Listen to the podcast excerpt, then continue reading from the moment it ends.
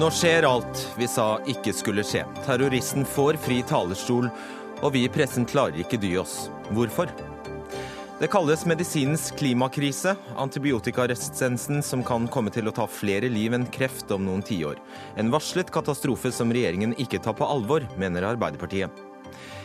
En folkeforfører som snakker om å stenge religiøse grupper ute av landet, som legger skylda på andre folkeslag for alt som er galt, som oppfordrer til vold, som får massene til å gi hilsen med løftet høyre arm.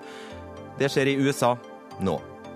Og Norge gir statsstøtte til nesten 750 trossamfunn. Men hvorfor skal noen betale for at andre skal kunne gå i kirken eller moskeen?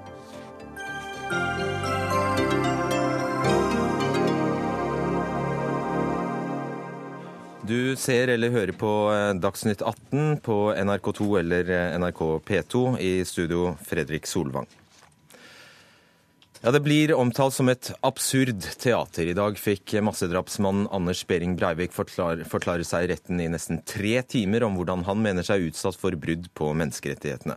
Kald kaffe, mangel på nikotin og middager fra Fjordland er bare noe av det vi har kunnet lese av dekningen fra dagens rettsmøte. Nå skjer vel alt vi sa ikke skulle skje. Drapsmannen får fri taletid og massiv, massiv pressedekning. Vi skal komme til eh, hvordan vi i mediene bruker denne rettssaken til å få klikk, bl.a. Men eh, Ina Strømstad, du er fra dommernes mediegruppe. Hvorfor får eh, Breivik fri talerstol i en sak dere vet kommer til å få så stor omtale i pressen? Ja, altså Det rettslige utgangspunktet er at en part skal få gi en sammenhengende forklaring før eh, advokatene går inn med detaljerte spørsmål.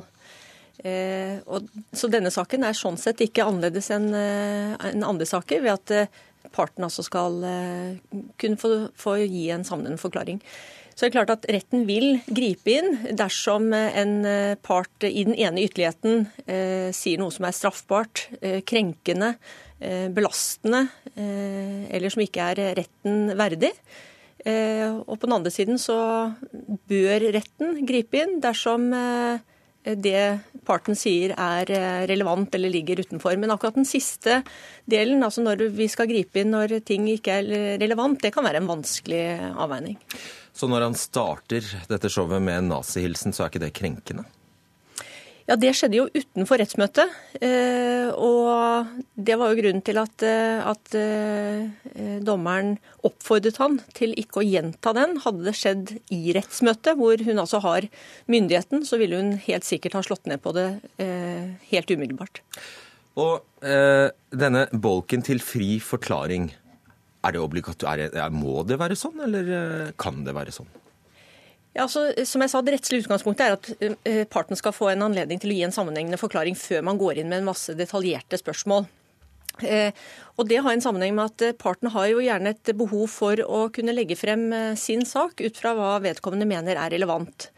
Og Der må vi ha en viss takhøyde nå snakker jeg helt generelt, en viss takhøyde for at det parten mener er relevant, kanskje ikke er rettslig helt relevant. Og Da må vi ha en viss tålmodighet. Eh, og i, i, denne saken så har jeg forstått at partene, altså advokatene sammen med dommeren ble enige om at han skulle få en tilmålt eh, tid, eh, hvor han fikk gi en sammenhengende forklaring, før man da altså gikk over på å stille han spørsmål. Nettopp, fordi det er altså én bolk med, med, spørsmål, og så er det én bolk til fri forklaring. Mm. Og med det vi vet om denne terroristens agenda og taletrengthet, kunne man ikke ta høyde for, for det å begrense den tale, frie, fri, frie taletiden hans? Man vet jo hva som kommer. Det er en veldig vanskelig avveining i enhver sak. Når, eh, og jeg er jo dommer selv, eh, når skal jeg eh, tolerere det som kommer? Når skal jeg gripe inn? Vi må ha en viss, en viss tålmodighet for at parten skal kunne legge frem det han eller hun mener er relevant, og ikke gripe inn umiddelbart. Ok. Eh, vi skal komme tilbake til det som skjer akkurat i, i, i uh, rettssalen. Men uh, Svein uh, Brurås, du er medieforsker, førsteamanuensis ved Høgskolen i, Høgskolen i Volda. unnskyld. I en kommentar på NRK Ytring så spør du hvorfor pressen gir denne saken så stor oppmerksomhet, og du mener dekningen nesten er på høyde med den opprinnelige straffesaken mot Breivik. På, på hvilken måte? Det går på omfang, det går på eh, prioritering. Jeg syns det er fint at pressen og mediene får full tilgang til rettsforhandlingene, men jeg stusser på måten en, eh, en benytter denne, denne, tilgangen på. Det går på omfang, som jeg sa, det går på prioritering. og Sjøl har jeg jo eh, reagert og skrevet litt om at en, en begrunner denne voldsomme prioriteringen i eh, samfunnsoppdraget til mediene. Det tror jeg er forfeila det er ikke troverdig. Jeg tror det er helt andre grunner til at en gir denne saken en sånn Og Hva er de ærlige grunnene da, tror du? Dette har å gjøre med fascinasjon for krimfortellingen. Fascinasjon for massemorderen. For, for det, det, uhyggelige, det gruoppvekkende her. Det er samme årsak, altså Mediene prioriterer dette av samme årsak som forlagene prioriterer eh, krimbøker, og, og TV-produsentene prioriterer krimserier. Altså, Eh, men faren med dette er jo at han gjør massemorderen, terroristen, da, til en celebritet med motsatt fortegn. Og da blir, slik som vi ser nå i disse dager, absolutt alt interessant. Det får du svare på, generalsekretær i Norsk redaktørforening, Reidun eh, Nybø.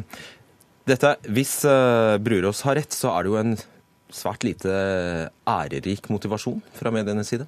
Ja, altså, jeg har full forståelse for at folk føler ubehag eh, rundt denne rettssaken som foregår i, i, Telemark akkurat nå. Jeg, jeg har sittet selv i Oslo tingrett og fulgt den både i går og i dag, og jeg kjenner også ubehag i forhold til det. Men, men eh, Og vi føler liksom Det kommer tilbake til oss, både det som skjedde i 2012 og 2011. Men, men vi må jo være der, og vi må dekke den saken. Og, og når, når Brurås kritiserer mediedekninga eh, for å være på samme nivå, eh, nesten som i 2012, så har jeg ikke det inntrykket i det hele tatt. Eh, det er langt færre journalister som dekker denne rettssaken. Men da må jeg spørre deg, Dette er ja. strengt tatt altså en rettssak som handler om soningsforholdene til Breivik, og om de ja. er i strid med menneskerettighetene. Hvor mye av den dekningen du ser rundt på nettavisene, handler egentlig om det? At jeg synes Det jeg har sett, så er det jo mye av det som handler om eh, det som blir sagt i retten. Eh, så kan vi selvfølgelig ta en diskusjon rundt vinklinga til media. Eh, og det må jo gjerne både Brurås og andre kritisere mediene for. At vi får en debatt om. Men, men at vi dekker denne rettssaken, det syns jeg er helt, helt naturlig. Og hva skulle liksom alternativet være, Brurås? Noe mindre oppmerksomhet. Jeg er jo helt enig med at en må dekke rettssaken. Det er ikke snakk om å tie den i hæl eller forbigå den i, i, i stillhet. Men det har med å skyve alt annet til side. Altså, Det skjer så mye viktige saker i det norske samfunnet hver dag som da blir oversett forbigått fordi en setter så voldsomme ressurser inn på, på akkurat denne saken. Det skjer òg innenfor kriminalomsorgen. Altså Hvis det er soningsforholdene i norske fengsler en er bekymra for, så må en se på behandlingen av varetektsfanger, som gjelder mange tilfeller, som gjelder uskyldige mennesker, der Norge vitterlig bryter menneskerettighetene. Det er en viktigere sak det enn denne saken som pågår nå. Ja, altså Det viktige er jo at dette handler om soningsforhold, ja. Eh, men så må vi jo ikke glemme at vi snakker om her om en mann som er dømt for den mest omfattende norske drapssaken i fredstid. Det er selvfølgelig ikke uvesentlig. Uh, og så vet Nei, men Du kan vel være ærlig på at en generell sak om soningsforholdene i norske fengsler ikke hadde vært den samme klikkevinneren? Uh, definitivt. Men, men, men, det er klart at vi, vi, altså det er helt åpenbart at mediene må Eh, og bør dekke eh, denne saken. Både fordi det handler om eh, soningsforhold, menneskerettigheter, men også fordi det handler om Breivik. Kan man ikke snu det på hodet, Brurås, og si at det at massedrapsmannen ønsker seg, ikke ønsker seg middager fra Fjordland eller klager på kald kaffe, at det avkler galskapen? Ja, det kan du si. Men som sagt, faren er da at en gjør denne personen til en celebritet med motsatt fortegn. Altså Der blir alt interessant. Der blir alle bevegelser, alle utsagn. Et lite smil, frisyre og, og, klær. Altså I denne kriminalfortellingen sant, så blir alle slike ting interessant. Vi kjenner det igjen fra, fra fiksjon.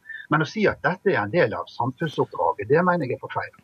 Strømstad, eh, en rettspsykiater omtaler altså Breivik som en umoden, identitetsløs narsissist som vil ha oppmerksomhet.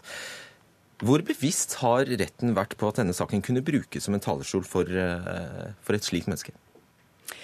Ja, du kan si det eh, er eh, ikke relevant sånn sett for retten i, fordi han er norsk borger, han er ikke fratatt sine rettigheter. Han har rett til å reise sak for domstolen, han som alle andre. Så lenge det Men er man et bruker det altså til å klage over middager fra Fjordland og kald kaffe.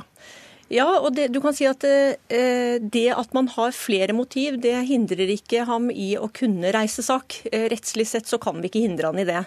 Eh, men det er klart at eh, det han snakker om, i den grad det er, ikke er relevant, så har han eh, retten anledning til å, å, og avskjære han fra å si det.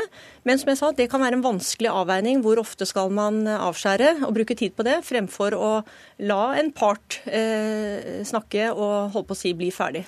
Og bare kort, Tre timer er jo kjempelang tid. Trengte han virkelig det?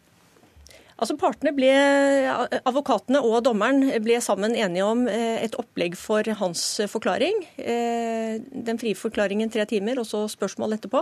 Eh, Hvorvidt det er eh, for lenge eller for kort, det er det sikkert delte meninger om. Og til slutt, Nybø. Dere i Norsk redaktørforening ønsket i utgangspunktet at veldig mye mer av denne rettssaken skulle gå for åpne dører, og at, skulle, at pressen skulle kunne rapportere f.eks. fra åstedsbefaringen, eh, eller befaringen i fengselet. Når du ser hvordan dette går, er du sikker på at det ville vært en god idé? Ja, altså Nå er det ikke så veldig mye som er lukka for, for pressen. Eh, Der, der lytter tingretten til oss eh, på forhånd. Eh, Men jeg, jeg syns jo fortsatt at vi burde ha hatt den åpenheten. Og det jeg vet er at det foregår en kontinuerlig diskusjon her i NRK og hos alle redaksjoner som, som dekker denne saken. Det er ingen norske journalister og redaktører som ønsker mikrofonstativ for Breivik. Og det er vi ikke heller. Ok, takk skal dere ha. Svein Brurås, Ina Strømsa og Reidun Nybø.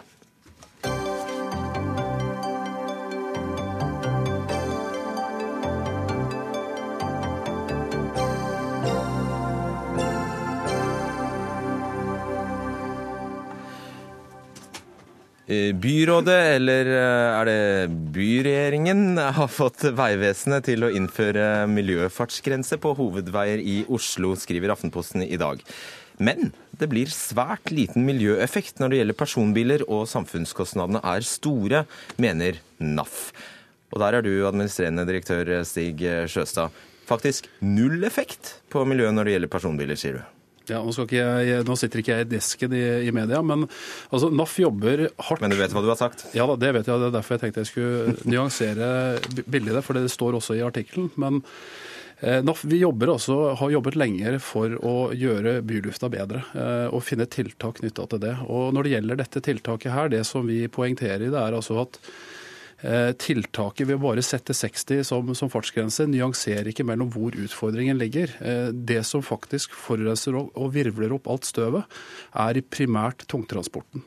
Så det å sette ned fartsgrensen på kalde dager for tungtransporten vil gi en effekt. Mens på små biler, vanlige personbiler, så virvler de altså minimalt opp med støv. eh, Og sånn sett så vil ikke det gi noe effekt ved å sette ned fartsgrensen på den øvrige trafikken. Og dette finner ikke du på, jeg regner med du har eh, Nei, altså, vi- forskning i ryggen? Vi har både forskning og vi har tunge fagmiljøer på det. og det er, det er faktisk også sånn at Når du reduserer hastigheten på den øvrige bilparken, så får du en dårligere forbrenning på motorene, som gjør altså at du øker utslippet av andre farlige gasser fra eksosrøret ved å sette ned fartsgrensen for øvrig. Så du får også egentlig en dobbeltfeil ved å lage et sånt generelt tiltak.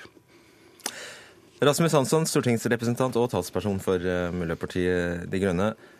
Ja, Hvis dette stemmer, så er det jo bare å reversere vedtaket. Ja, Det stemmer ikke.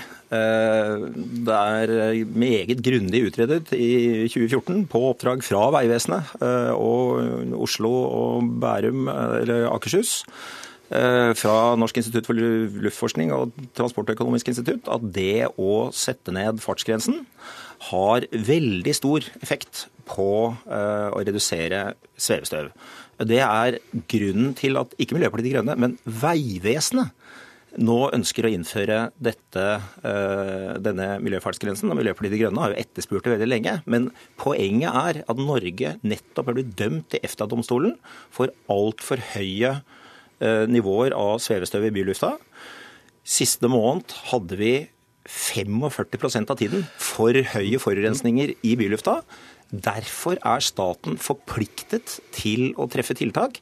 Og dette er et tiltak som det treffer på veldig solid faglig grunnlag. Og det er veldig fint at NAF nå eh, forandrer retorikken fra morgenens forside i Aftenposten, hvor de påstod at dette tiltaket ikke virket i det hele tatt. Nå er vi over på at tiltaket virker, men vi vil differensiere det. Det kan man alltids diskutere, men vi kan altså konstatere at Vegvesenet har gått inn for å gjennomføre denne saken fordi det fungerer meget godt, og fordi det er helt nødvendig for å få en bedre byluft. og det er det Miljøpartiet De Grønne jobber for. Okay. Begge kan ikke ha rett, faktisk. Nei, men jeg tenker altså at hvis, hvis, man leser hele artikkelen, og ikke bare overskriften, så står det faktisk det jeg akkurat sa nå. og Det, det, det som er saken, at de, de, undersøkelsene som det her vises til, de har altså vi analysert, og vi har også fått aksept fra, fra fagmiljøene på at de analysene vi gjør, er altså at de er for grovmasket, de undersøkelsene som ligger til grunn fra disse institusjonene du nevner.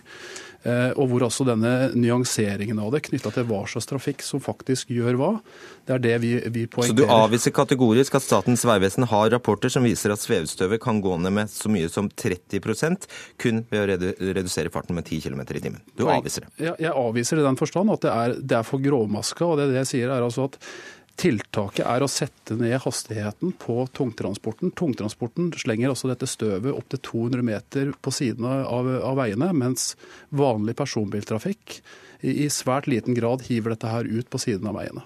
Og Hansson, eh, du viser til denne rapporten eh, som kom i 2014. Det samme året, i 2014, så sa altså eh, Vegvesenet at ved å sette ned fartsgrensen fra 70 til 60, så foreligger resultatene av noen utvalgte veistrekninger. Testen viser ifølge Eriksson i Vegvesenet at forskjellen er liten. Så her er jo ikke Vegvesenet enig med seg selv engang. Ja, Vegvesenet er enig med de faginstitusjonene de har bedt om å utrede dette her. Eh, og de er altså, som du selv siterte, ganske kategoriske på at det å få ned svevestøvet Men jeg har snakket med eh, hun Inn Kristine Eriksson i dag, og hun sier at det stemmer det hun sa den gangen. Forskjellen var veldig liten. Ja, Det er mulig at de sier det, men da får altså Vegvesenet og, og, de andre faginstitusjonene eh, rydde opp i eh, hva de sier om hva. De har konkludert så entydig på at det å få ned svevestøvet er viktig, eh, at Vegvesenet har brukt det som grunnlag for å gjennomføre dette uh, tiltaket, som er altså redusere farten litt. Og så skal vi huske på to ting. Det viktige er nå er tydeligvis alle, også NAF, enige om at det er for mye seletau. Vi må få det ned, vi må treffe tiltak. Og da er det synd at NAF sier nei hver gang vi sier uh, noe om dieselbiler okay. eller vi sier svevestøv, så sier de nei hver gang. Vi sier ja, vi vil ha bra byluft.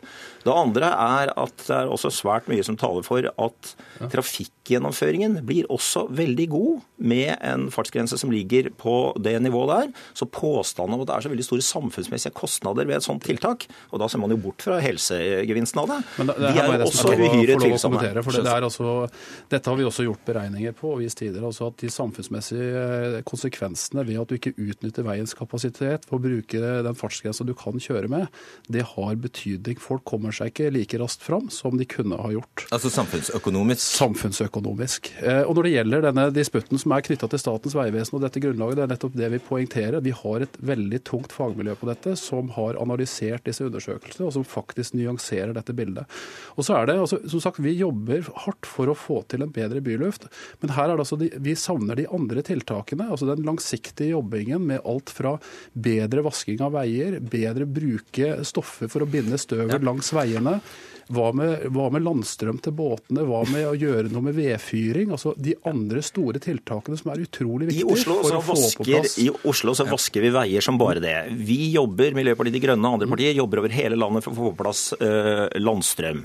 Vi jobber for å uh, få skifta ut bilparken med nullutslippsbiler. Og vi sier at av og til, når uh, forurensningsnivåene er ekstremt høye og veldig helsefarlige i Oslo så, og andre storbyer, så må vi si nei til de Hansson, var det ikke sånn at det selskapet som eide denne og, vaskebilen gikk konkurs, og, og, da fikk man ikke vasket kattene? Jo, det er veldig sørgelig at et selskap går konkurs, men det er visse ting Miljøpartiet De Grønne ikke har kontroll over. Det er jo helt banalt at man ikke får vasket veiene fordi et selskap går konkurs. Ja, men Det setter vi da i gang med å få fiksa. Så det er, det er også en litt sånn banal innvending fra programlederens eh, side at vi skal bli beskyldt for det. Alle disse tingene gjør vi. Og det som er sørgelig, når, er at hver gang vi treffer et nytt tiltak Når, når skal dere gjøre det? Det, vaskes av alle krefter. Vi jobber med å få på plass landstrøm. Vi gjør alle de andre tingene. Men det NAF gjør, det er å si nei hver gang vi foreslår noe konkret. Hvis dere heller hjelper til med disse tiltakene og sier ja når det blir foreslått konkrete tiltak som gjør lufta mindre helseskadelig for folk i Norge, da blir det eh, framskritt. Okay. Det som er synd, Jeg- jeg vil er når vil gjør bilister er- til en slags eksponenter for dårlig byluft. Det syns jeg ikke er heldig. Jeg syns heller vi skal samarbeide om å få gjennomført disse tingene. slutt. Ja, jeg, jeg tenker også at Vi har faktisk kommet med forslagene for å bedre luften. og Det står til og med i stortingsproposisjonen som du har på Stortinget. Ja, men da burde Eh, dere ikke si nei til og nå- dette tiltaket. nå- Og nå handler det egentlig om å få også lokalpolitikerne, også i ditt parti, til å begynne å følge de forslagene. Her er det mange muligheter for å få til en bedre byluft, utover å følge faglige råd når det gjelder også å nyansere tiltaket knytta til miljøfartsgrenser. Det var mer enn ti sekunder. Takk skal dere ha, Stig Sjøstad og Rasmus Hansson.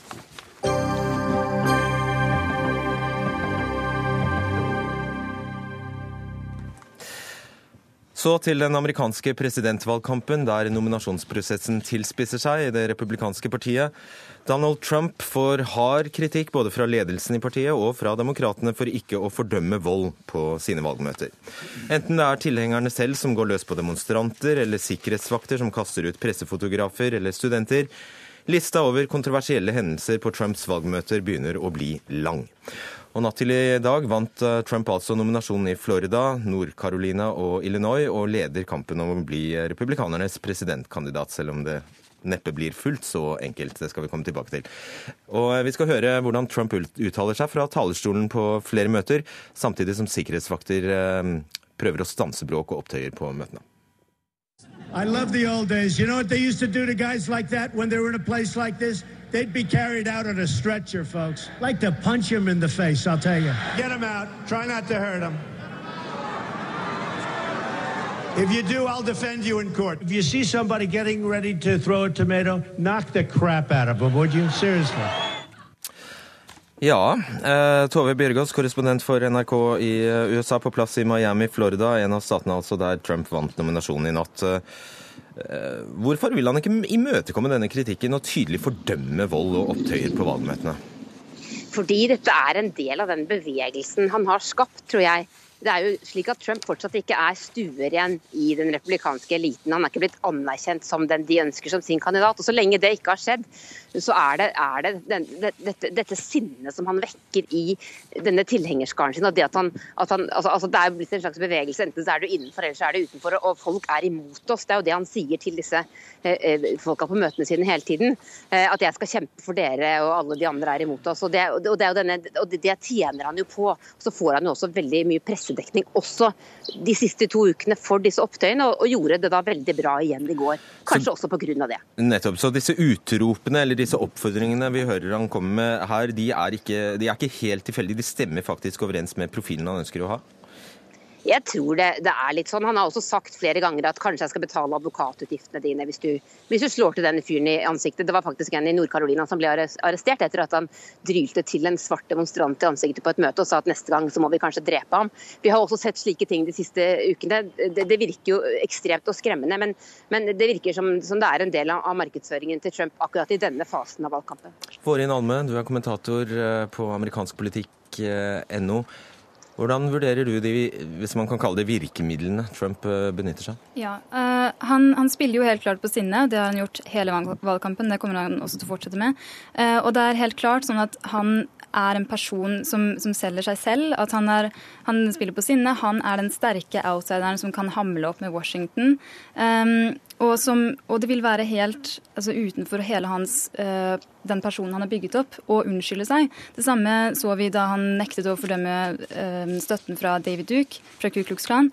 Han kan ikke uh, unnskylde seg, han kan ikke virke svak, fordi at hele hans styrke ligger i nettopp det at han virker sterk, og han virker som en bølle. Om det så er på scenen overfor de republikanske rivalene sine, eller om det er overfor pressen, eller om det er overfor altså, lag av befolkningen som tidligere eller konvensjonelt da, har vist seg å være vesentlige for å vinne nominasjonen, som muslimer eller latinovelgere eller afroamerikanske velgere. Get out of here synes å være et slags nytt uh, motto eller slagord i tillegg til Make America Great. Get out of here har en viss uh, har tatt over for You're Fired fra The Apprentice. Det har blitt hans nye catchphrase. Han lager show, han lager spektakulære altså, events som, som han venter at det skal bli drama og kaos på. Og, altså, han, han, og, det er også smart også fordi at media kjøper det rått. ikke sant? Dette her er jo eh, så vidt jeg kan se, den mest økonomiske valgkampen noensinne drevet. Han har jo nesten ikke måttet betale noe selv. Han får gratis mediedekning for alt han gjør. For han vet akkurat hvilke punkter han skal trykke på, og når han skal sende ut en kontroversiell tweet eller lignende. Til og med i Dagsnytt 18 for en oppmerksomhet. Ja. Bernt eh, Hagtvedt, eh, tidligere professor i statsvitenskap. Jeg er fremdeles professor. Det var sånn det var. Ok, beklager. Og forblir resten av livet. Ja, men så bra. Ja. La oss satse på det. Professor i statsvitenskap ved Universitetet i Oslo. En folkeforfører som eh, snakker om å stenge ute alle ute religiøse grupper. eh, En eh, kar som legger skylda på, for alle, alle problemer på andre folkeslag, som oppfordrer til vold, som får stadig større masser til å heve armen i eh, høyre arm. eh, Som snakker om å gjenreise landets ære. Og det skjer altså nå. Ja, det første som er å si her, er at eh, jeg kan ikke huske en slik stil. Uh, Iallfall ikke tilbake til eh, ja, Den eneste som ligner, er George Wallace, 70-tallets rasist i, i, i sørstatene. Men folk som sto ham ideologisk nær, som Goldwater i 64 og Reagan, var jo aldri i nærheten av de, disse vulgariteter. Og noe av problemet her er at han, som min kollega her sier, isolerer seg fra de som han eventuelt måtte eh, komme i møte. Afroamerikanere, latinos, utdannede kvinner utdannet ungdom. Altså Han baserer seg på lavt utdannet arbeider- og mellomklassevelgere som er rasende over statusfall, over økonomiske problemer, om bortfallet av sosial mobilitet. og Han appellerer til frykt, men det er først og fremst han appellerer med sinne. Og det er jo en veldig farlig blanding, for han kobler det med nasjonal ydmykelse. At landet er ydmyket av Kina, det gjelder å ta dem.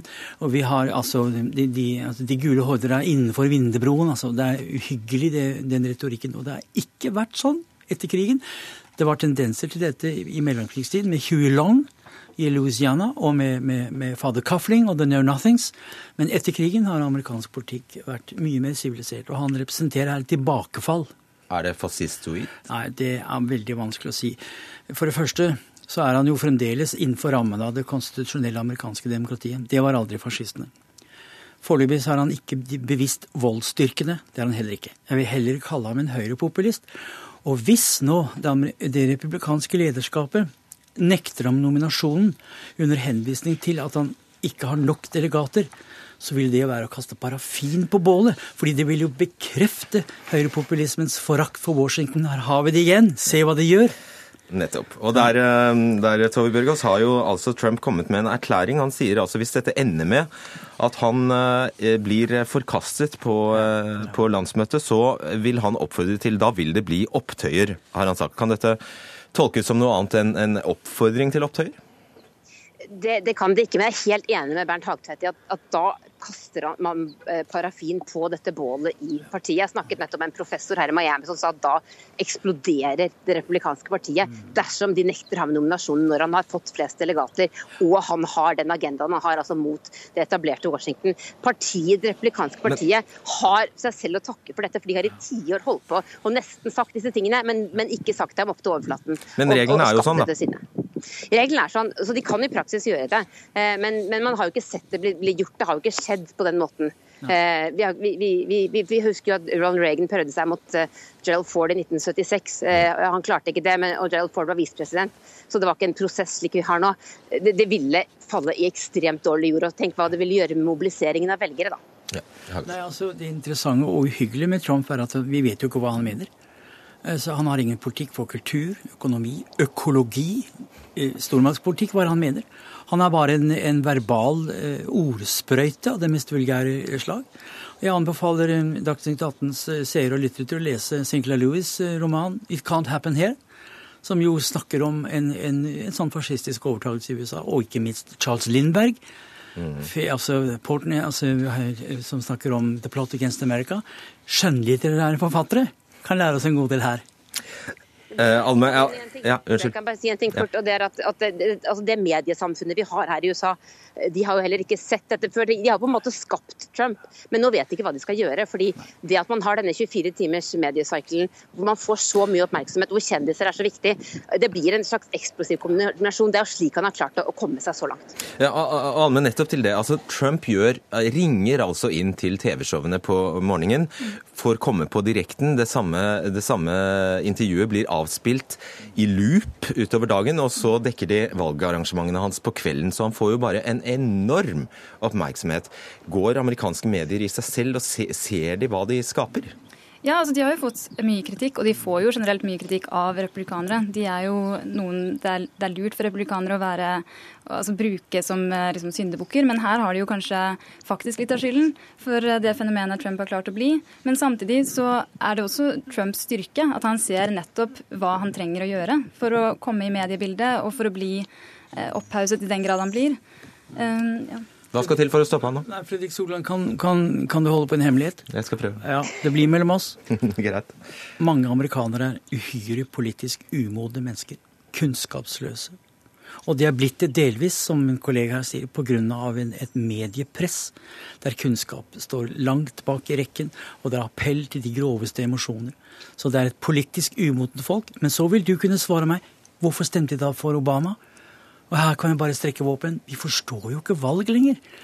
Det er jo en stor elv. Mm. Der må jeg bare skyte at De som nå stemmer på Trump, det er jo ofte de som ikke pleier å stemme. Det er nok ikke de samme ja, som stemte på Obama. Poeng. Så det kommer til å bli avgjort hvem som klarer å mobilisere fram til urne. Det er et veldig godt poeng.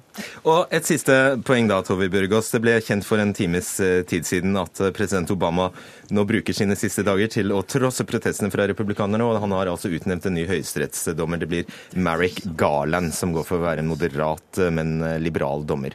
De første reaksjonene på det? Eh, republikanerne har sagt at de ikke engang ønsker å møte ham, og i hvert fall ikke ha noen godkjenningshøring, og at de mener at dette skal vente til neste presidenten tiltrer. Nå er Garland en som flere republikanske senatorer har stemt for i den posten han har hatt de siste årene. Flere av dem har også sagt at de liker ham og syns han er en, en, som kan jobbe på tvers. Eh, så dette skal bli vanskelig for dem. Det er derfor han er blitt nominert av Obama. Men, en gave til Trump? Blir, en, ja, det kan du kanskje si, men eh, det, alt er så politisk her nå at dette her kommer kanskje ikke til å fly noen steder. Det må bli veldig kort. her. Tragedien her er at amerikansk politikk ikke er et parlamentarisk demokrati. Det var en kjempetabbe av James Manson og de gutta å lage det tredelte systemet, som forutsetter tillit mellom aktørene. Når denne tilliten er borte, så blir systemet helt ødelagt, og det er det vi ser nå. Skaden er skjedd. Skaden er skjedd, og det er ganske alvorlig, og jeg kan ikke se noen utgang på det. Følg med, følg med. Følg med, følg med. Følg med, følg med. Tusen takk skal dere ha, Vårin Alme, eh, Bernt Hagtvedt og eh, Tova Bjørgaas.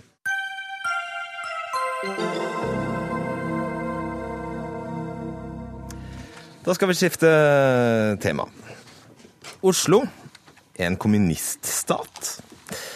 Ja, det er overskriften på et blogginnlegg fra den tidligere stortingsrepresentanten for Fremskrittspartiet, Mette Hanekamhaug. Hun har sett seg lei på eh, politikken til det rød-grønne styret i Oslo eh, de siste månedene, og antyder at det hele er udemokratisk. Og Vi skal straks høre fra Hanekam eh, selv, her selv, men eh, først til en av dem som har reagert på dette innlegget. Det er deg, Mimir Kristiansson, nyhetsleder i Klassekampen. Og for å ta det første først, kommuniststat. Eh, du mener altså det er respektløst i det hele tatt å bruke et sånt begrep? Ja, det gjør jeg. fordi at eh, For det første bare den rene misforståelsen. Uansett hva Raymond Johansen vil kalle seg, så er ikke Oslo en stat, det er bare en by. Eh, men når det er sagt, så er det sånn at eh, en kommuniststat i denne betydningen er et udemokratisk sted som henviser til de gamle østblokkstatene. Og det som er respektløst med det, er at disse statene som var høyst reelle, tok livet av millioner av mennesker overvåka sin befolkning og hadde ingen form for demokrati overhodet. Det er ikke og, det hun vil fram til? det skjønner jeg. Jo, det hun vil fram til, er å slenge drit i retning av i dette tilfellet Miljøpartiet De Grønne, som hun i innlegget skriver ikke tilhører det samme politiske systemet som oss andre, og på den måten ikke er et demokratisk parti, er insinuasjonen her. Og det er riv ruskende galt. Er det noe politikerne i hovedstaden i Norge skal få lov til å bestemme, så er det hvor folk skal kjøre bil. Man kan like det eller ikke, men de som vinner valget, de vinner valget. Og forskjellen på en kommuniststat og Oslo kommune er at det er valg, de er frie, noen vinner, og noen blir dårlige tapere. Men Kristiansson, av alle samfunnsdebattanter så vet vel du veldig godt at man av og til så overdriver man, setter ting på spissen for å få fram et poeng, og det er jo kanskje det hun har gjort. Og det må selvfølgelig være lov, men dette er jo en systematisk bruk av skjellsord som høyresida har overfor venstresida i Norge over lang tid. Kommuniststat, den siste sovjetstat, østeuropeiske tendenser, Eh, alle disse tingene her. Og det brukes hver eneste gang noen på venstresida gjør det motsatte av i et diktatur, nemlig vinner et valg. Mette Hannekamhaug, tidligere stortingsrepresentant for eh, Frp. Ja, hva har det rød-grønne byrådet i Oslo med kommuniststat, kommunisme, å gjøre? Nei, altså For det første eh, så syns jeg at det er litt betimelig at det Mimir her kritiserer, at det er respektløst eh, å henvise til kommunismen, når han sjøl har hatt uttalelser der han har anklaga både Anders Anundsen og andre Frp-ere for å være rasister.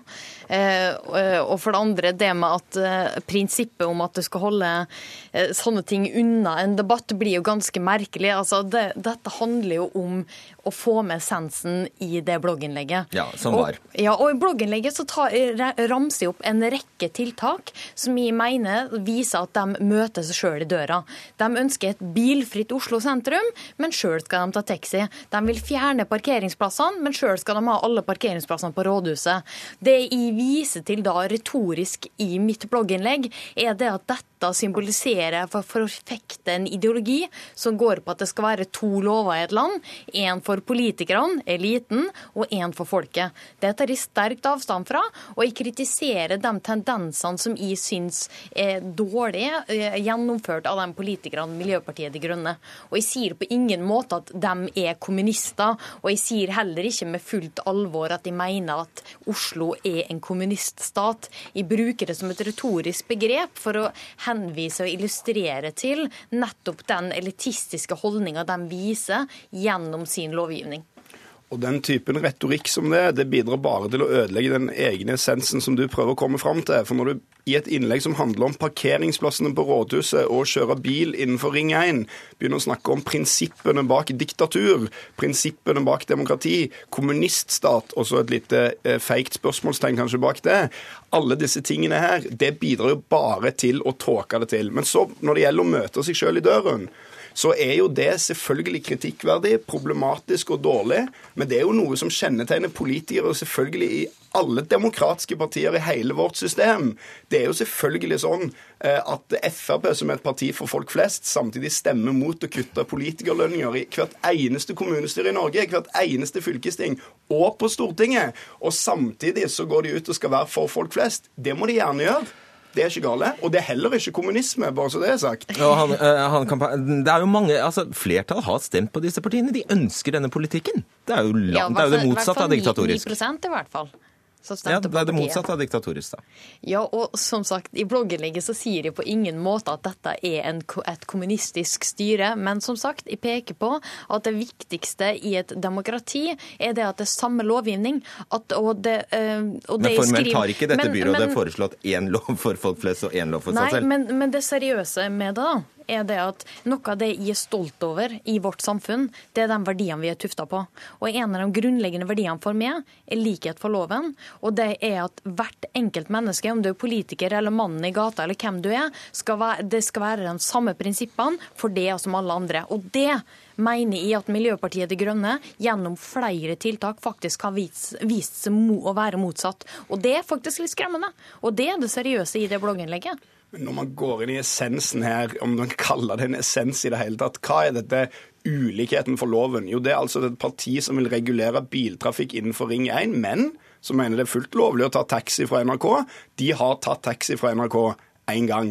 Et bil, et parti som En gang i avisa, ja. Ja, en gang i avisa, eller flere ganger. Det må de likevel kunne gjøre som de vil. Ja, Hvis de vil eh, forby oss andre å ta taxi, så er det jo ingen som vil forby noen å ta taxi fra NRK som ikke ligger innenfor Ring 1 her. Og poenget er om man er for eller mot de bilreguleringene. Taxi, men så kan de andre ja, NRK som betaler taxien for det, så det er hyggelig for oss alle. Men det er det samme med disse parkeringsplassene på rådhus. Det er ikke den eneste av de grønnes eh, bystyre- eller byrådsrepresentanter som kjører bil til jobben.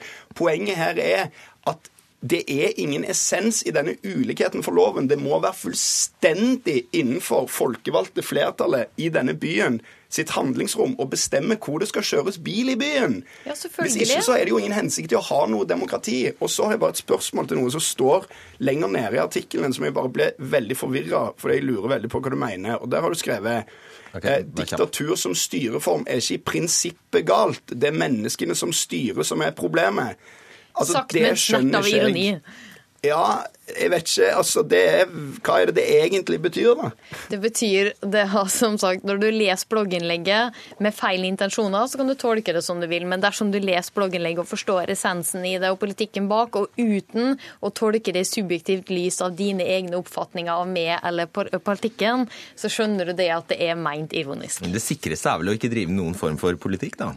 Det sikreste er egentlig, tror jeg, å være beint fram ærlig, stå for det jeg mener, skrive det jeg mener, og så kan jeg tåle godt kritikk fra Mimir på andre og innlegg også. Og Det er vanskelig å komme skeivt inn når det er et innlegg som heter 'Oslo, en kommuniststat?' spørsmålstegn, og handler om at noen har tatt taxi ned fra NRK.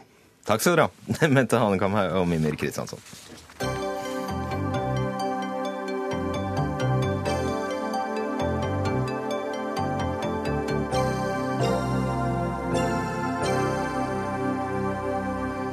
Det kalles medisinens klimakrise. Antibiotikaresistens som følge av overforbruk og feilbruk av antibiotika kan komme til å ta flere liv enn kreft innen 2050. Regjeringen tar sikte på å redusere antibiotikabruken her i landet med 30% innen 2020, og har satt av hele Fem millioner kroner til det arbeidet. Sveinung Stensland, stortingsrepresentant for Høyre. Det var en kraftsatsing? Nei, Ja, hvis det vært så enkelt at det bare var det som skulle til. Så jeg tror ikke det er penger over statsbudsjettet som løser denne utfordringen her. Det er mye mer. Eh, nå har vi fått lagt fram i dag eh, handlingsplan fra landbruksministeren. Helseministeren har vært ute. Og det er en rekke enkelttiltak. Eh, det, det millionene det siktes til, det er for en informasjonskampanje, som er et, en liten del av en stor, stor tiltakspakke for eh, Ja, for Basert på pengene så er du enig i at det virker som en ganske enkel jobb? Ja, men vi må huske også at eh, den viktigste oppgaven her er jo å sørge for at vi får tilgang på nye substanser.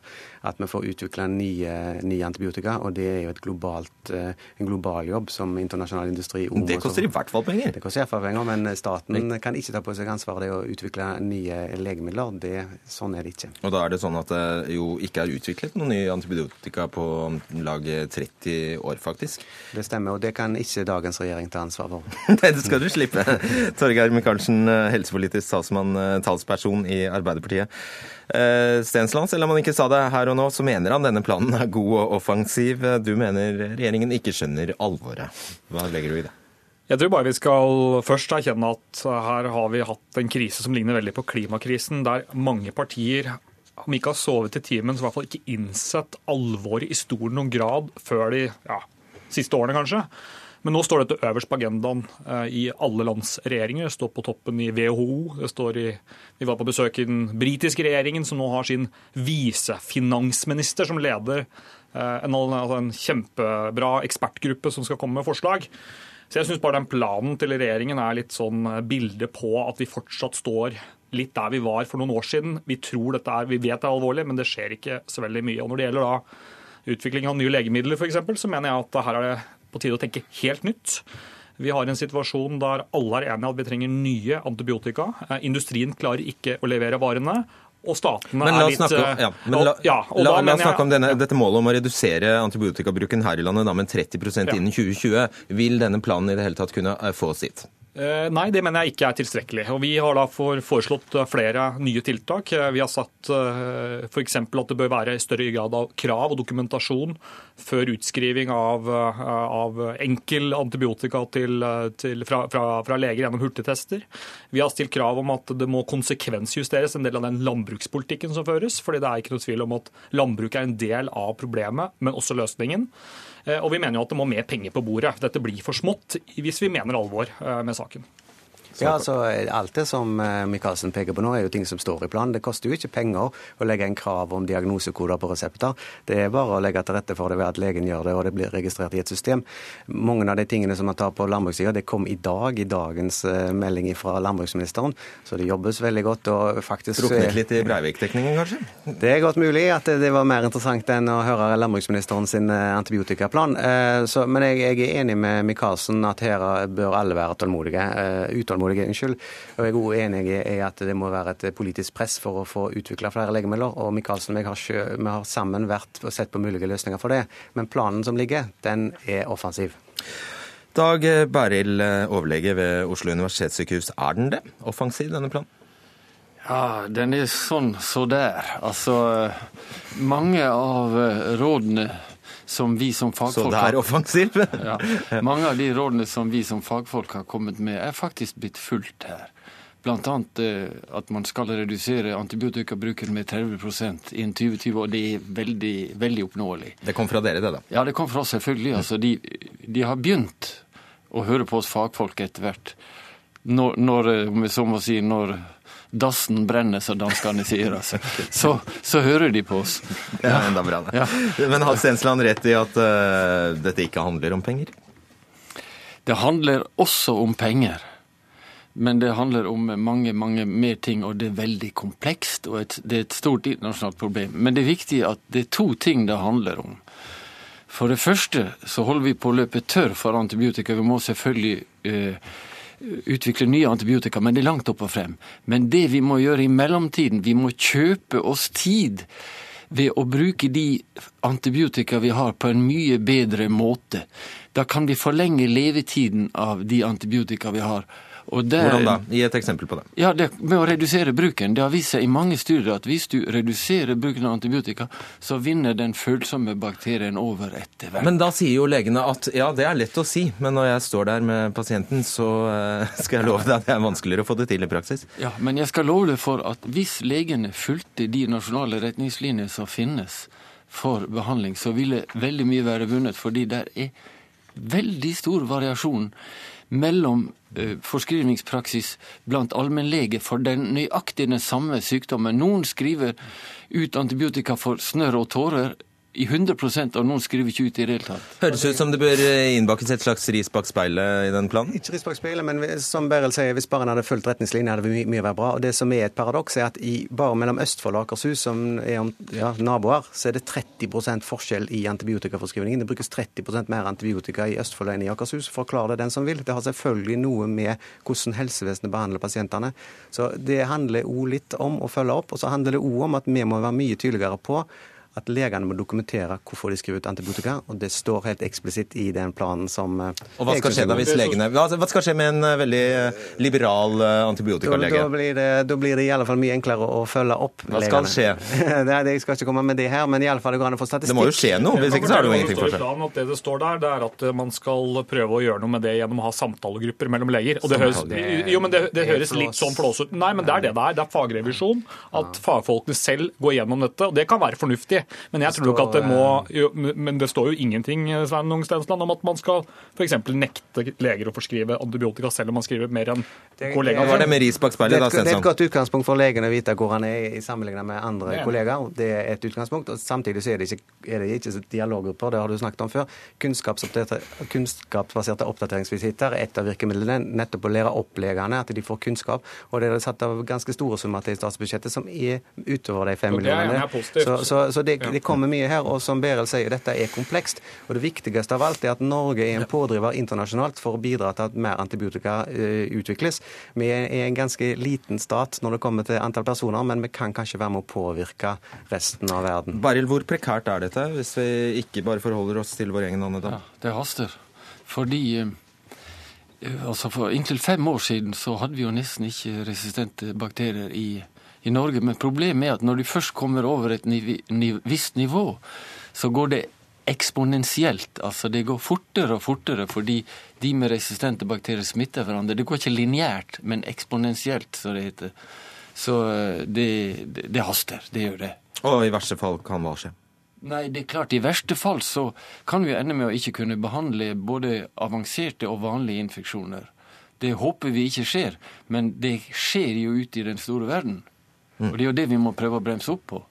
Og Michaelsen, eh, du er klar over at Bæril har sagt dette om, i om lag 15 år? Det er jeg klar over. Og jeg kunne nå trette deg og andre med alle de initiativene som har kommet opp gjennom årene, men jeg kan bare være den første også til å innrømme at det har ikke vært nok. Og det er ikke noe unnskyldning for nå å ikke gjøre det som skal til. Og da mener jeg det er et par små ting som må til. Det ene er at eh, det er bra at Norge er positive, men vi bør ta et lederansvar sammen med andre land for å utvikle nye medisiner som kan være virksomme mot da, bakterier som utvikler, utvikler, resistens. Og så må vi ikke være naive her hjemme Staten i Norge. Norge skal gjøre det. Staten Norge sammen med andre land bør, og dette er ikke noe jeg har funnet på, dette er forslag fra de fremste ekspertene som nå diskuterer dette eh, internasjonalt, eh, gjennom et helt nytt finansieringssystem for nye medikamenter sammen med industrien. Og så må vi ikke være naive her hjemme. fordi at jeg er enig med Berlil at vi må kjøpe oss tid, og da er det helt hodeløst, slik f.eks. dagens regjering legger opp til, at man helt fritt kan gå til et eh, sykehus f.eks. i Øst-Europa, la seg behandle på statens regning, og så kommer man hjem uten å ha ordentlige systemer for hva det betyr for norsk helsetjeneste. Svar konkret på det. Ja, det å kalle det hodeløst at folk får lov til å søke hjelp når de trenger hjelp, det, det er en litt stor diskusjon som jeg ikke har tid til å svare på nå. Men det som du begynte innledningsvis med, at uh, dette kan snart ta flere liv enn eh, kreft og andre viktige sykdommer. Saken er at hvis ikke vi løser dette, så kan vi ikke behandle kreft. Vi kan ikke behandle komplisert eh, hjertesykdom. Så dette betyr at moderne medisin slutter å virke, for vi har for stor infeksjonsrisiko. Og så til dette med utvikling av nye legemidler. Der er Micaelsen og meg helt enige. Ja, Så da trenger vi ikke å bruke mer tid på det. Ja. Men da må Bent Høie, som er sjefen hans, gjøre jobben sin bedre enn i dag. Ja, Beril, til slutt. Eh, det er jo ikke bare eh, leger og politikere som har et problem her. Er det noe som helst vi kan gjøre som enkelt privatpersoner? Ja, man kan stille krav til legen sin. Altså, hvis man går til legen og man tror man har en infeksjon, så må man spørre når det gjelder diagnostikk, diagnostikk og behandling. Følger du nå Eh, de nasjonale retningslinjene for, for behandling, altså, eller avviker du fra det? For det skal veldig sterke argumenter, etter mitt skjønn, for å avvike det her. Men får jeg lov å si en siste ting? Derfor. og det står i handlingsplanen. Altså For det første så er den kanskje, det er mange ord, og det er kanskje litt lite konkret, men det står veldig lite om sykehus.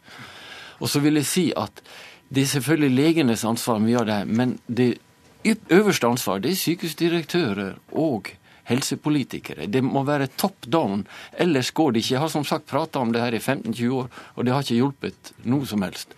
Og til sist så står det her i side 27 at planen skal sikre bærekraftige investeringer. Og der Jeg vil gjerne ha det skriftlig for dere begge. Kom med mer penger til det her, for det er ikke gratis.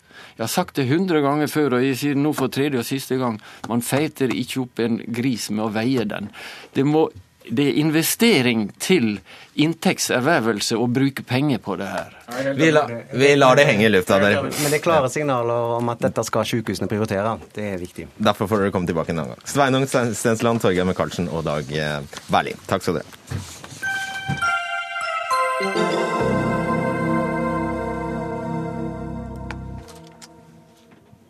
Enten du er medlem av et trossamfunn eller ikke, er du med og betaler for andres religiøse aktiviteter over skatteseddelen. For Norge har rause, svært rause ordninger for de 749 trossamfunnene som får statsstøtte, ifølge Aftenposten.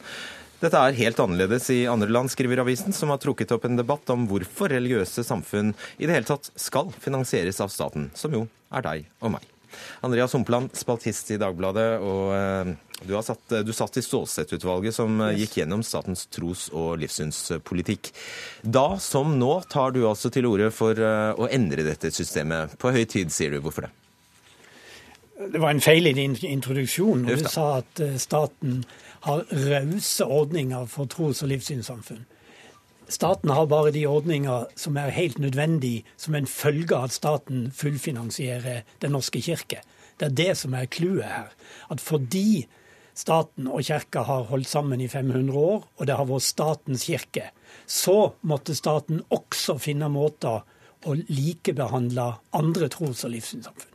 Så for tida sitter de andre tros- og livssynssamfunnene helt stille i båten, som gratispassasjerer ja, på ferja. Ja, men du vil endre det. På hvilken måte?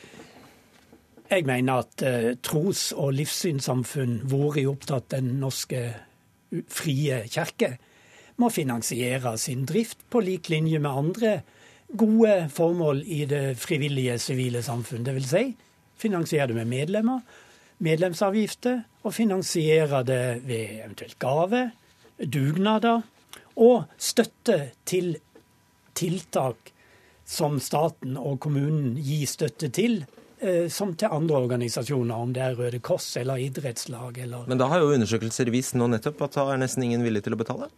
Nei, men det er ikke mitt problem. Ingrid Joyce, du er styreleder i Samarbeidsrådet for tros- og livssynssamfunn. Ja, legg ned hele ordningen, sier Humpland, og da sier du? Nei, jeg sier at eh, det gjør vi ikke i, i vårt samfunn. Eh, så ønsker vi å, eh, å finansiere noen gode fellesordninger over de offentlige budsjetter. Kultur, idrett, politiske partier og tros- og livssyn. Og Det handler jo først og fremst om at man ønsker et pluralistisk samfunn. Er ikke tro en privatsak? Nei, eh, det er ikke det. Altså, det som er ganske stor konsensus for i Norge, er jo at eh, vi skal ha en sekulær stat, men at vi skal ha et tros- og livssynsåpent samfunn der folk kan leve sine liv, eh, også med de religiøse sidene av det. Og med den friheten følger jo også at du f.eks. kan være ateist. Hva er da logikken i at en ateist skal betale for andres trosutøvelse? Det er, ikke, det er, ikke, akkurat sånn eh, at en ateist betaler for de andres uh, trosutøvelse. Altså 85% av skattebetalerne for å bruke det bildet, er jo medlem i et tros- eller livssynssamfunn. Så det vil si at det er 15% som 15% betaler? Uh, nei, det, altså, deres, de utløser ingen midler til tros- og livssynssamfunnet. Men det kommer jo fra statskassen? Ja, det gjør det. Ja. Men midlene utløses ikke på bakgrunn av de, av de Nei, som ikke er medlemmer. Nei, Men det har jo ingenting å si, de betaler jo skatt, ateistene òg.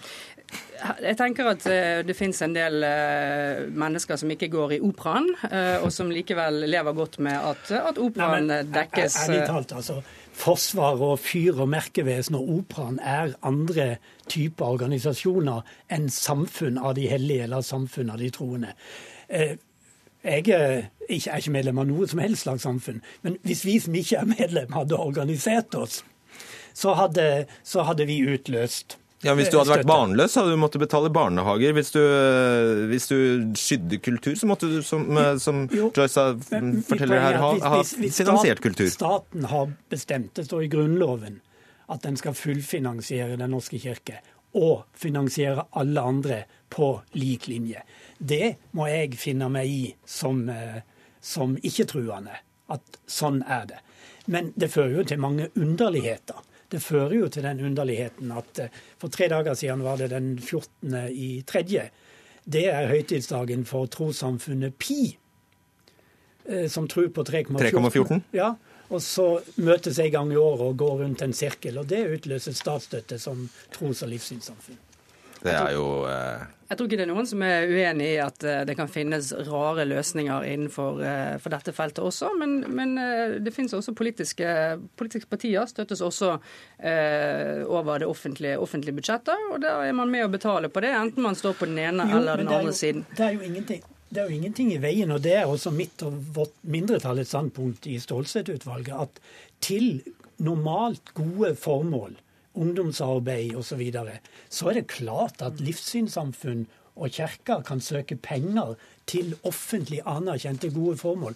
Poenget her er at de får en spesiell støtte som sådan, fordi det er tro og livssyn som blir heva over alle andre gode formål. Og 85 gode... av Norges befolkning velger å være medlemmer Men i et sånt Men de gjør det jo fordi de ikke følger noen økonomisk forpliktelse med. Og som sagt så har jo Aftenposten også vist undersøkelser de siste dagene som viser at det er bare rundt 30% som i det hele tatt hadde vært villige til å betale medlemskontingent i kirken.